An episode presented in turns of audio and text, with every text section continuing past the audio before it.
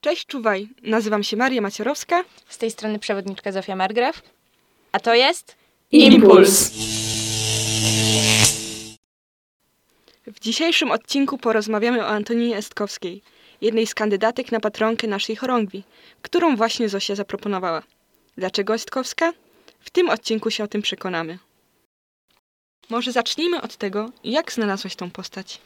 Okej, to kilka lat temu pisałam pracę na konkurs historii i miałam poruszyć e, tematykę aktywnych bardziej aktywnych kobiet mojego regionu, XIX albo z XX wieku, jestem z Wielkopolski, no więc zainteresowałam się aktywnymi Wielkopolankami. Stwierdziłam, że poszukałam też z XIX wieku i równocześnie przeczytałam książkę e, pod tytułem Marianna i Róże i jest to redagowany pamiętnik. On jest nieco fabularyzowany, ale tam pojawiła się postać Antoniny Estkowskiej i jakoś połączyłam te dwa fakty ze sobą i postanowiłam trochę poszperać dalej, poszperać głębiej, no i dowiedzieć się czegoś więcej o tej postaci, która mnie zafascynowała, gdyż była właśnie nauczycielką córek głównej bohaterki tej książki i wiedziałam, że jest autentyczna, więc stwierdziłam, a poszukam czegoś więcej. Nie było to łatwe, gdyż więcej informacji jest o jej mężu, o czym później wspomnę, ale, ale się udało. Zosiu, jak wyglądało dzieciństwo Estkowskiej?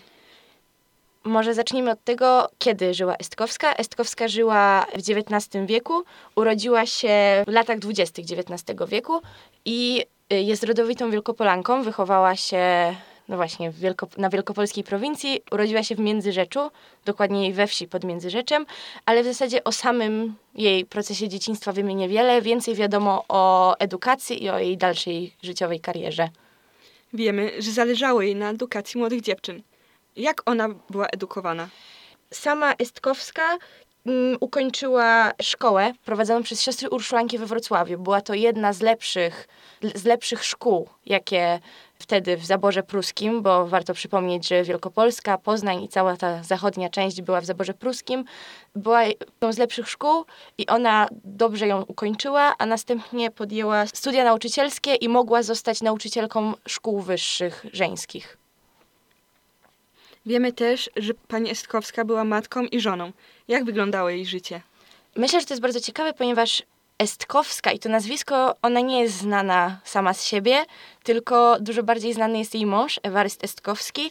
Dla poznanianek i mieszkających w Poznaniu myślę, że nie jest obca ulica Estkowskiego, która jest w drodze do poznańskiej katedry i on sam był wybitnym pedagogiem, więc też jest to ciekawe, było to małżeństwo pedagogów. Niestety Estkowski bardzo szybko zmarł, osierocił dzieci, które z nią zostawił, trójkę dzieci, dwóch synów i córkę. O tym też niestety takich szczegółów nie ma za dużo, o tym też o losach tych dzieci, ale wiemy, że jako wdowa podjęła się wychowaniem nie tylko swoich własnych dzieci, ale też setek dziewcząt, które przychodziły do szkoły, którą założyła. Jakie są jej największe osiągnięcia? Właśnie wydaje mi się, że największym osiągnięciem jest pensja, którą założyła w Poznaniu. Pensja ta trwała bardzo długo, prowadziła ją przez ponad 40 lat i była to szkoła dla dziewcząt z wyższych sfer, ponieważ musimy pamiętać, że szkolnictwo w tamtych czasach nie było dostępne dla, dla każdego. Niemniej jednak to była czysto polska szkoła, co w tamtych czasach było niezmiernie istotne i dziewczęta mogły uczyć się takich rzeczy jak y, arytmetyka, języki obce, ale także robótki ręczne czy zajęcia muzyczne, ale uczyły się wszystkiego w takiej duchowej, polskiej atmosferze i myślę, że to jest jej największym osiągnięciem.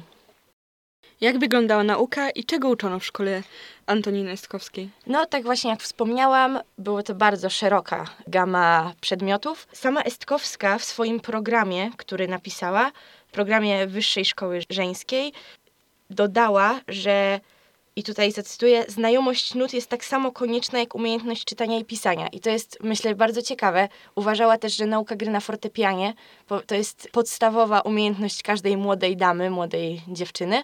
I bardzo naciskała na wszechstronne wychowanie, wszechstronne wykształcenie, zarówno właśnie matematyka, arytmetyka, fizyka, ale także roboty ręczne, tak jak mówiłam wcześniej. No i właśnie ta muzyka, która była bardzo przez nią podkreślana. W takim razie dlaczego zaproponowałaś Estkowską jako kandydatkę na naszą patronkę Jutrzenki Jakie są jej cechy, które warto je naśladować? Jak sobie o tym myślałam, to takim głównym celem, który był dla mnie głównym argumentem za, było to, że zajmowała się patriotycznym wychowaniem dziewcząt. I jest to coś, czym ja mam poczucie dokładnie tym samym, oczywiście nie tylko, pa- patriotycznym i wszechstronnym. Zajmujemy się my, właśnie prowadząc drużyny, gromady, zajmujemy się tym, żeby właśnie ogólnie, bardzo w szerokim kontekście wychowywać dziewczęta i dlatego pomyślałam o niej. Kolejna rzecz to jest rodowitą Wielkopolanką, swoją szkołę, chociaż oczywiście wychowała się gdzieś na powiedzmy prowincji wielkopolskiej, ale całe swoje życie właśnie zawodowe szkołę prowadziła w Poznaniu na ulicy Ogrodowej. Myślę, że te dwa argumenty, czyli to wszechstronne wychowanie dziewcząt oraz to, że jest z Wielkopolski, z naszego terenu, są dwoma argumentami za, jak chodzi o przyszłą patronkę. Dziękuję Ci w takim razie bardzo, Zosiu, za rozmowę i za przybliżenie tej mało znanej postaci Antoniny Estkowskiej. Czy chciałabyś, Zosiu, kogoś pozdrowić? Tak, myślę, że chętnie pozdrowię dwie drużyny. Najpierw moją drużynę, którą niedawno założyłam. Jest to bardzo mała drużyna, ale pozdrawiam każdą harcerkę z mojej drużyny. Oraz pozdrawiam moją drużynę wędrowniczą, czyli pozdrawiam 29. Poznańską Drużynę Harcerek oraz 7. Poznańską Drużynę Wędrowniczek Struga. W takim razie pozdrawiamy wszystkich i do usłyszenia. Czuwaj! Czuwaj!